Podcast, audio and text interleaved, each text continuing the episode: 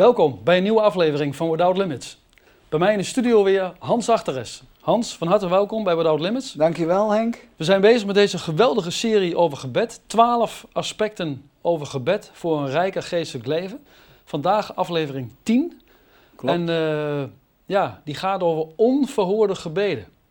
Ja, onverhoorde gebeden en waarom? Ja, Want dat is niet onbelangrijk, eh, dat je ook weet, er zijn redenen voor. En dat willen we zelfs in twee afleveringen, maar ik begin hier eerst met één aflevering erover. Dat eh, we allereerst moeten beseffen waarom gebeden niet verhoord worden, omdat God oneindig wijs is. ja, dus hij weet alle dingen en wij kijken maar vanuit een beperkt, soms benevelde blik. ja. En er zijn vele redenen, en dan ga ik ze, eh, ze allemaal door de tijd heen noemen, waarom het gebed niet wordt eh, verhoord. En ik wil dat aantonen naar aanleiding van onze handleiding. ja, ja. En onze handleiding is inderdaad Gods woord. En als u meedenkt, meekijkt en meeleest, zult u tot ontdekking komen dat de eerste reden waarom een gebed niet wordt verhoord is onder andere men bidt uit gewoonte. Dus ik, dat is nummertje één. Men bidt uit gewoonte zonder geloof. Dus gewoon herhalen. Terwijl, eh, jij zou zeggen, elke dag dat doen we, dat is logisch, of elke week of elke maand. Misschien zijn we al twee jaar bezig met dezelfde gebeden. Maar het kan op later dus een sleur worden, een gewoonte, een vast patroon. En in dat gebed ontbreekt dan de geest. Dat heeft iemand misschien helemaal niet door, want hij bidt. Hij denkt, nou, bidden is goed, bidden is Gods wil, ja. bidden is de bedoeling. En ik eh, verhef mijn stem. God hoort me elke keer.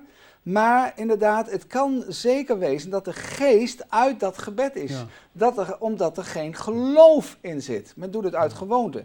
Nou, dus ik heb hier een tekst aan Jacobus 1, vers 6. ja, die zal ik lezen. Ja,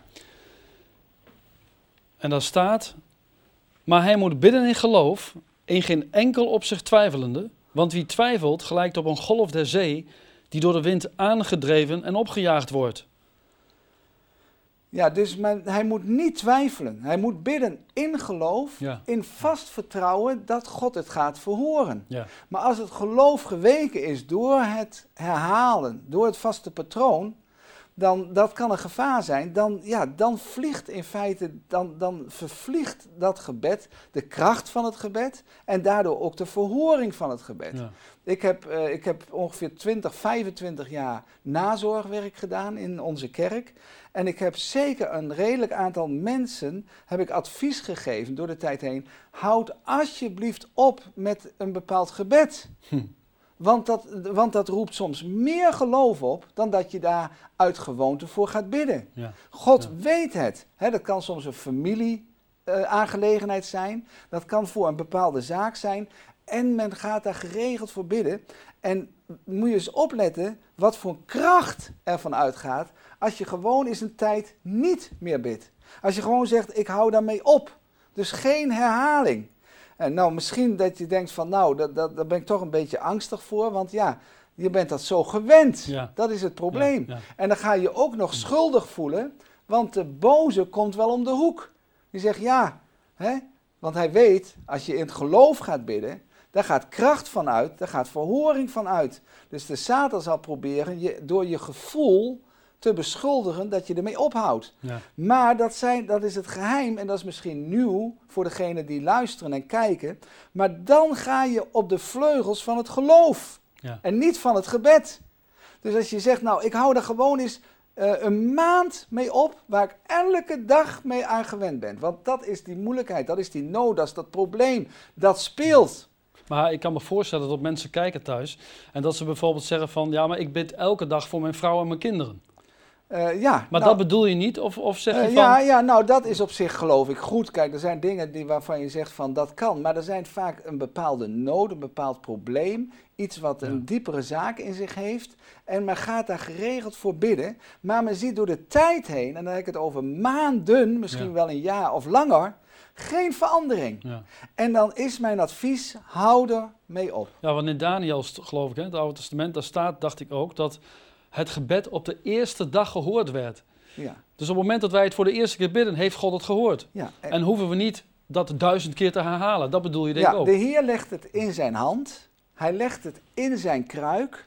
En inderdaad, het is al lang bekend bij de Heer. Ja. En, eh, en, en, en ja, de Heer wil je duidelijk maken, misschien door wat ik nu vertel, van eh, bid nou eens of hou op, Ja. opdat er meer geloof ontwikkeld wordt Ja. in je hart. En dat is een geheim. En dat kan dus een, eh, dus dat je bidt uit gewoonte of uit sluier zonder geloof, Ja. waardoor het gebed niet verhoord wordt. Ja. Maar nou ga je zeggen, ik ga een maand niet bidden. Je voegt geloof toe en de Heer kan misschien ja, des te meer wat doen en wonderen werken. Ik kan me voorstellen dat mensen thuis zeggen van, ja, dat is wel een beetje vreemd en een raar advies. Eh, ja, nou, ik kan, me, ik kan me dat ook wel voorstellen, maar ik ben echt met heel mijn hart van overtuigd dat het een juist advies is. Omdat het bij God niet enkel gaat om de gewoonte van het gebed en het horen van de stem, maar van geloof in het hart. En dat gaat hij belonen. Plus dat als je de- iedere dag voor hetzelfde bidt, dan heb je ook meer kans misschien op twijfel. Ja, omdat dat, men, men denkt van, nou, ik bid wel, maar direct daarna komt de gedachte bij je op, zonder dat je het uitspreekt naar God. Maar ja, het zal toch wel niet eh, zijn uitwerking Ja, hebben, maar ja. ik bid wel. Ja. Nou, de Heer zegt, hou daarmee op, opdat er meer wonderen kunnen Ja. gebeuren door geloof. Ik vind het bijzonder wat jij zei in deze tekst. Hè? Ik, ik, ik wil hem graag nog een keer lezen. Daar staat, maar hij moet bidden in geloof, in geen enkel opzicht twijfelende. Want wie twijfelt gelijkt op een golf de zee die door de wind aangedreven en opgejaagd wordt. Maar dan staat er in vers 7, want zulke mens moet niet menen dat hij iets van de Heer ontvangt. En dat is met die twijfel. Hè? We twijfelen natuurlijk allemaal wel eens en we zijn allemaal wel eens onzeker. Maar het is zeg maar net als je zwanger bent. Als je weet dat je zwanger bent, heb je nog niks gevoeld, je hebt nog niks gehoord. Maar je weet, ik ben in verwachting. Ja, En zo moeten wij ook Ja. in verwachting zijn absoluut. hè, van Absoluut. de gebedsvoering. Absoluut. En, Ja. dan, en, dan, en dan gaat de Heer het doen op grond van eh Jacobus 1, vers 6 en 7. Ja. Nou, een tweede reden is eh, waarom God niet verhoort, is dat de verhouding met andere mensen of een ander mens werkelijk verstoord is. Ja.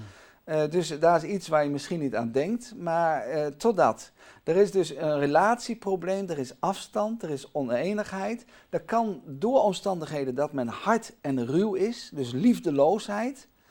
Eh, en je, men moet weten, God vergeeft de zonde van je hart. Hè, laat nou maar stellen dat je onreinheid hebt toegelaten of begeerte akkoord, dat is zonde. Dan moeten wij het beleiden voor Gods aangezicht en afstand doen. Maar God wil niet vergeven als wij een ander beschadigd hebben. Dat betekent, dan moeten wij het goed maken. Wij moeten het goed maken. Ik heb eh, ongeveer een, een kleine maand geleden vertelde ik tegen een jongen en ik wist dat dat, dat, eh, dat dat een juiste opmerking was, dat hij voordat hij verder in zijn geloof ging, hij eens een lijstje moest maken van mensen die hij beschadigd had, ook in zijn verleden. En dat hij het goed moest maken door een brief, door een contact, door een bloemetje, door een gebaar. En net zoals Zacchaeus, die voor Jezus ging staan en zei van, nou al die mensen die ik eh, benadeeld heb, zal ik viervoudig vergoeden. Ja. Hij was eh, die dag ook direct failliet. maar dat maakt niet uit. Vrede in het hart. Vrede in het hart. Met andere woorden, er kan ruzie zijn, er kan boosheid zijn, er kan onverschilligheid zijn. Nou, we weten allemaal dat onze vader, in het gebed van onze vader staat onze vader, die in de hemelen zijt, staat er op een gegeven moment, wordt er genoemd, uw wil geschieden gelijk in de hemel, Ja. alzo ook op de aarde. Met andere woorden, de verhoudingen moeten alzo. Nou, dat, is, eh, dat betekent dat we eens daarover gaan lezen. Om nou een praktisch voorbeeld te noemen, kan zelfs in, de, in het huwelijk, als er oneenigheid is, kunnen je gebeden belemmerd worden. Laat staan naar een ander mens waar je ruzie, oneenigheid mee hebt. Je bent niet bereid om te buigen. Nou, laten we eens lezen, Henk 1 Petrus 3, vers 7. 1 Petrus 3 vers 7. Ja, daar staat...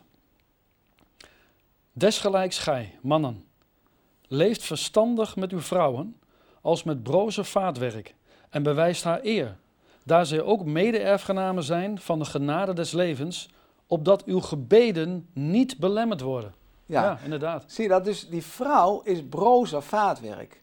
Maar dat betekent die man is ook broos vaatwerk, alleen die vrouw is brozer.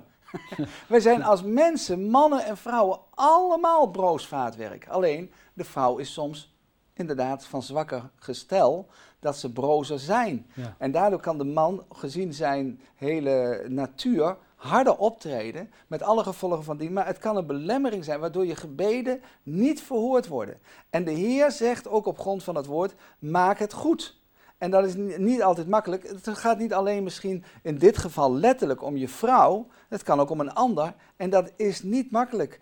Dat is soms een, een hele hobbel, dat is moeilijk. Ja. ja, want inderdaad, hè, ik kan me voorstellen dat mensen kijken en zeggen... ja, jij zegt dat wel zo makkelijk, maar elkaar van harte vergeven... dat is toch wel even iets. Ja, dat is soms vooral als je elkaar goed kent. Want juist de mensen die jou goed kennen, doen je soms zeer. Kijk, mensen die in Afrika wat over je zeggen en die kennen je nauwelijks. Nou ja, dan denk je akkoord, pff, schud je zo af. Maar iemand die jou ontzettend goed kent, die met je leeft, ja, daar is het nog even, daar is wel wat moeilijker. Ik heb van mijn zware geleerd, als een vrouw kwaad wordt, nou, dan wordt ze eerst hysterisch en daarna historisch. dan weet ze nog allemaal dingen van vroeger. Nou, ga er maar voor staan. De Akkoord, ja. Maar ook op andere eh, vlakken. Kijk, eh, ik, ik, ik, ja, het is moeilijk. Het, soms is vergeven gewoon moeilijk. Dus ik wil niet zo even in één zin dat wegvegen. Maar la- daarom hebben we Jezus nodig om op Jezus te zien. Jezus heeft zichzelf openlijk aan het kruis laten nagelen. Laten we dan ook soms een moeilijke weg gaan. Dat is niet makkelijk, echt niet. Ja. Maar dan ook de weg gaan van Jezus hier. U ging geen gemakkelijke weg. Openlijk ging u voor mij aan het kruis. Laat ik dan ook inderdaad die weg gaan om, om, om geen schaamte te tonen voor ja, dat ik me is verneder. Dat ik een keer voor die ander die mij goed kent en ja, die ik moet vergeven. Ja. Hè? Eh, of de nederigste moet zijn, of de minste moet zijn. Dat je buigt. En ik weet zeker dat God echt eh, zijn liefde laat voelen en merken als je bereid bent door een gebaar, door een houding, om te buigen. Dus nogmaals, punt 2, verhouding met andere mensen is verstoord, waardoor het gebed niet wordt verhoord. Eh, we gaan naar nummer, ja, nummertje 3. Omdat u niet volhardt. Waarom wordt uw gebed niet verhoord? Omdat u niet volhardt. Dus men is met bidden begonnen, maar men is ook opgehouden. Nou, ik heb een keer in deze uitzending gezegd, en ik zeg het nogmaals. Wij moeten net kamelen zijn. Kamelen komen, ik ben in de Sahara geweest en dan zeg ik dat die kamelen hun, hun, na een rit hun verpakking of hun last, hoe je het allemaal wil uitdrukken, aan het eind van de dag aflegden, maar die legden ze op de knieën af. Anders kan die last niet afgenomen worden.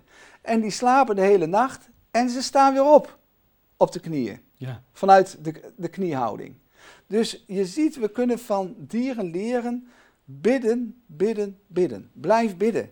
Want de Heere die zegt van door geloof en geduld ontvangen wij de beloftes. We moeten niet traag worden. En, dan, en dan mag je weten dat zelfs de poorten van de hel zullen inderdaad de kerk en de gelovigen niet overwinnen. Dan zul je bemerken als wij volharden, dan zal God laten zien dat er onoverwinnelijke kracht zich gaat openbaren. En eh, nou, dus niet opgeven. Niet inderdaad zeggen, ik ben moe. Eh, of dat je denkt, waardoor men ook dus niet meer volhardt, ja, het werkt niet. Zie je wel, ik heb een aantal keer gebeden, het werkt niet. En je ziet geen verhoring. Dus God moet ons, misschien dat u zegt, ja, eh, inderdaad, laat ik het opnieuw van God verwachten. Ondanks dat u misschien even wat moe bent, hè, op grond van de gebeden voor die zaak. Moet u toch blijven bidden, want de Heer zegt volhard. Hè, dus God wil ons aanvuren om opnieuw wederom te bidden. Hij wil ons sterken en bemoedigen en bevestigen. Nou, eh, een tekst die, eh, die hierover gaat, om te volharden, dat staat in 1 Samuel 12, vers 23. Er zijn meer teksten, maar ik heb maar even één haal ik daar aan. 1 Samuel 12, vers 23, Henk. Ja, daar staat. Wat mij betreft, het zij verre van mij dat ik tegen de Heere zou zondigen door op te houden voor u te bidden. Nou, duidelijker kan, ik, kan het niet. Ja. Dus hier staat er Samuel, in Samuel en het is Samuel zelf. Dus laat ik niet tegen u zondigen door op te houden voor u, voor het volk of voor anderen of voor een zaak of voor iets wat God toch op uw hart heeft gelegd, dat u bent opgehouden. Hè, Job, die bad elke keer voor zijn kinderen, als hij ging feesten, als ze uitgingen, elke keer van misschien hebben ze gezondigd. Misschien kan het wezen dat ze in hun hart God vaarwel zeggen. Ja. Nou, dat is, eh, Niet Heb jij- onbelangrijk.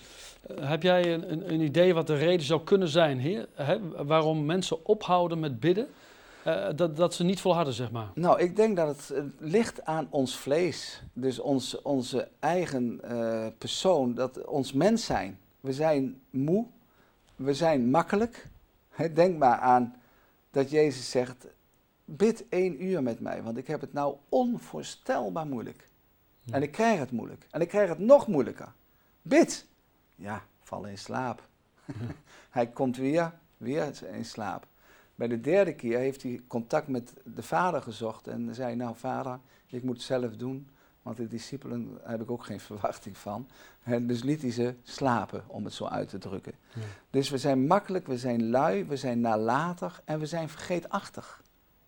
En dat komt allemaal ja, door ons mens zijn. Maar de Heer roept ons op, ja, ga nou niet alleen kijken op je mens zijn, maar Jezus in jou. We moeten weer eh, aangevuurd worden. Nou, heeft dat ook niet met, met zeg maar discipline te maken? Ja, een discipel, daar hoort discipline bij. Ja. Hij zegt inderdaad, eh Heere, ik kom tot u en ik blijf tot u komen. Je moet er eigenlijk een gewoonte van maken ja, hè, ja. om de Heer te zoeken. een goede gewoonte. Ja. Nummer vier, Henk, heb ik hier staan waarom gebeden niet voort worden. Omdat God een ander plan heeft.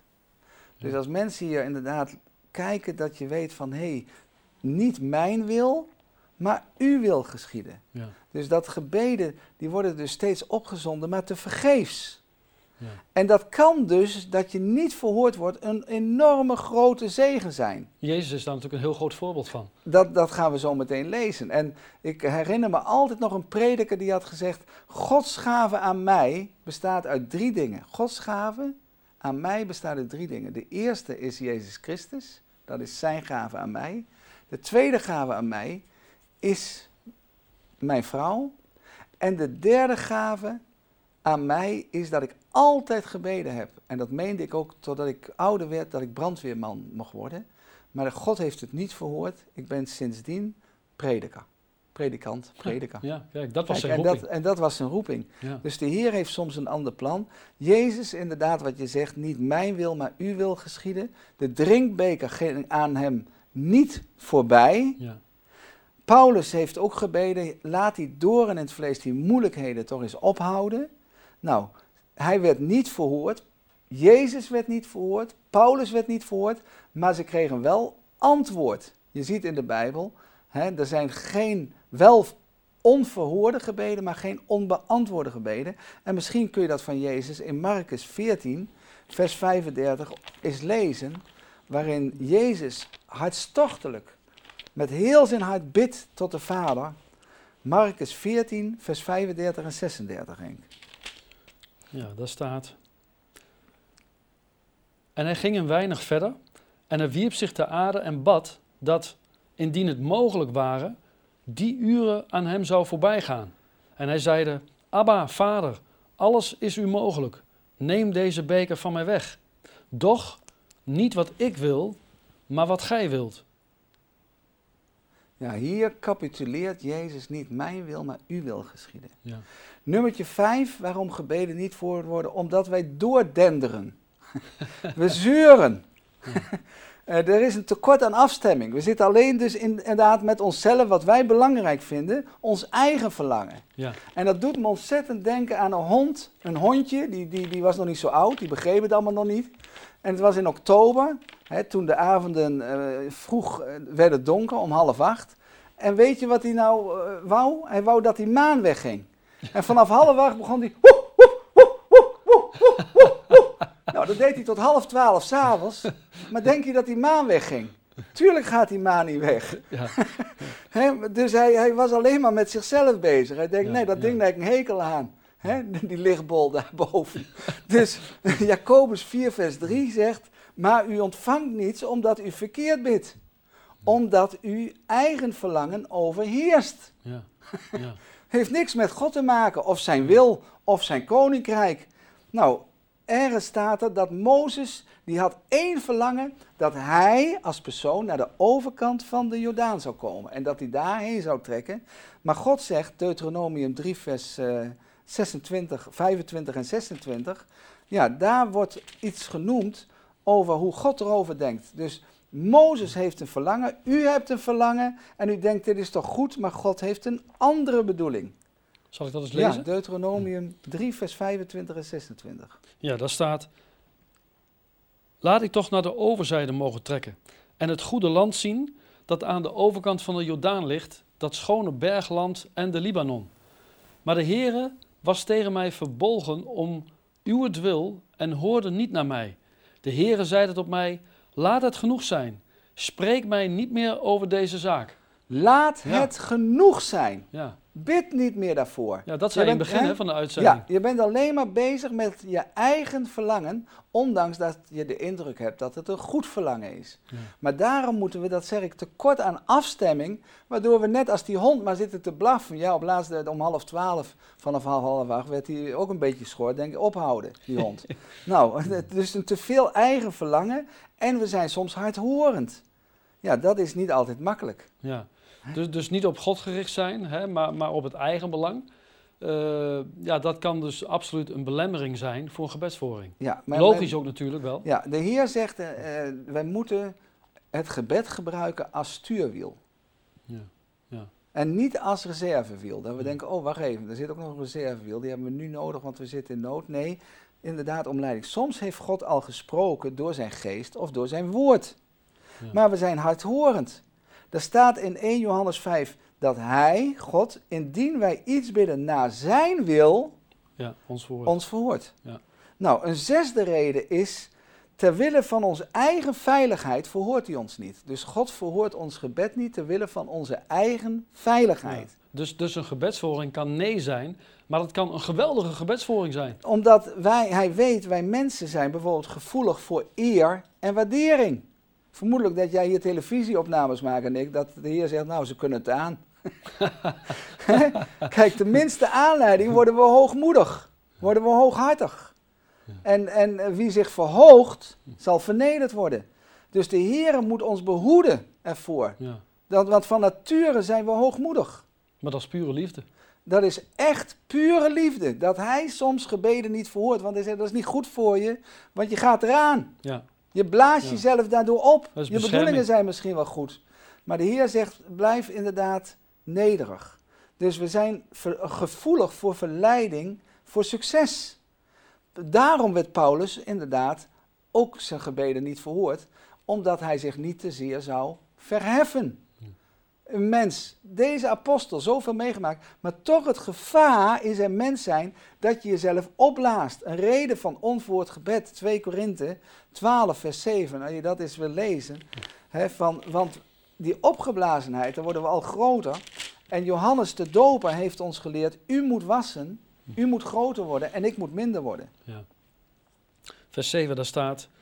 Daarom is mij, opdat ik mij niet te zeer zou vereffen, een doorn in het vlees gegeven, een engel des Satans, om mij met vuisten te slaan, opdat ik mij niet te zeer zou verheffen. Ja. Ja, Nummer 7, waarom gebeden niet worden verhoord. Er is sprake van een oppervlakkig leven. Dus on- een zondig leven.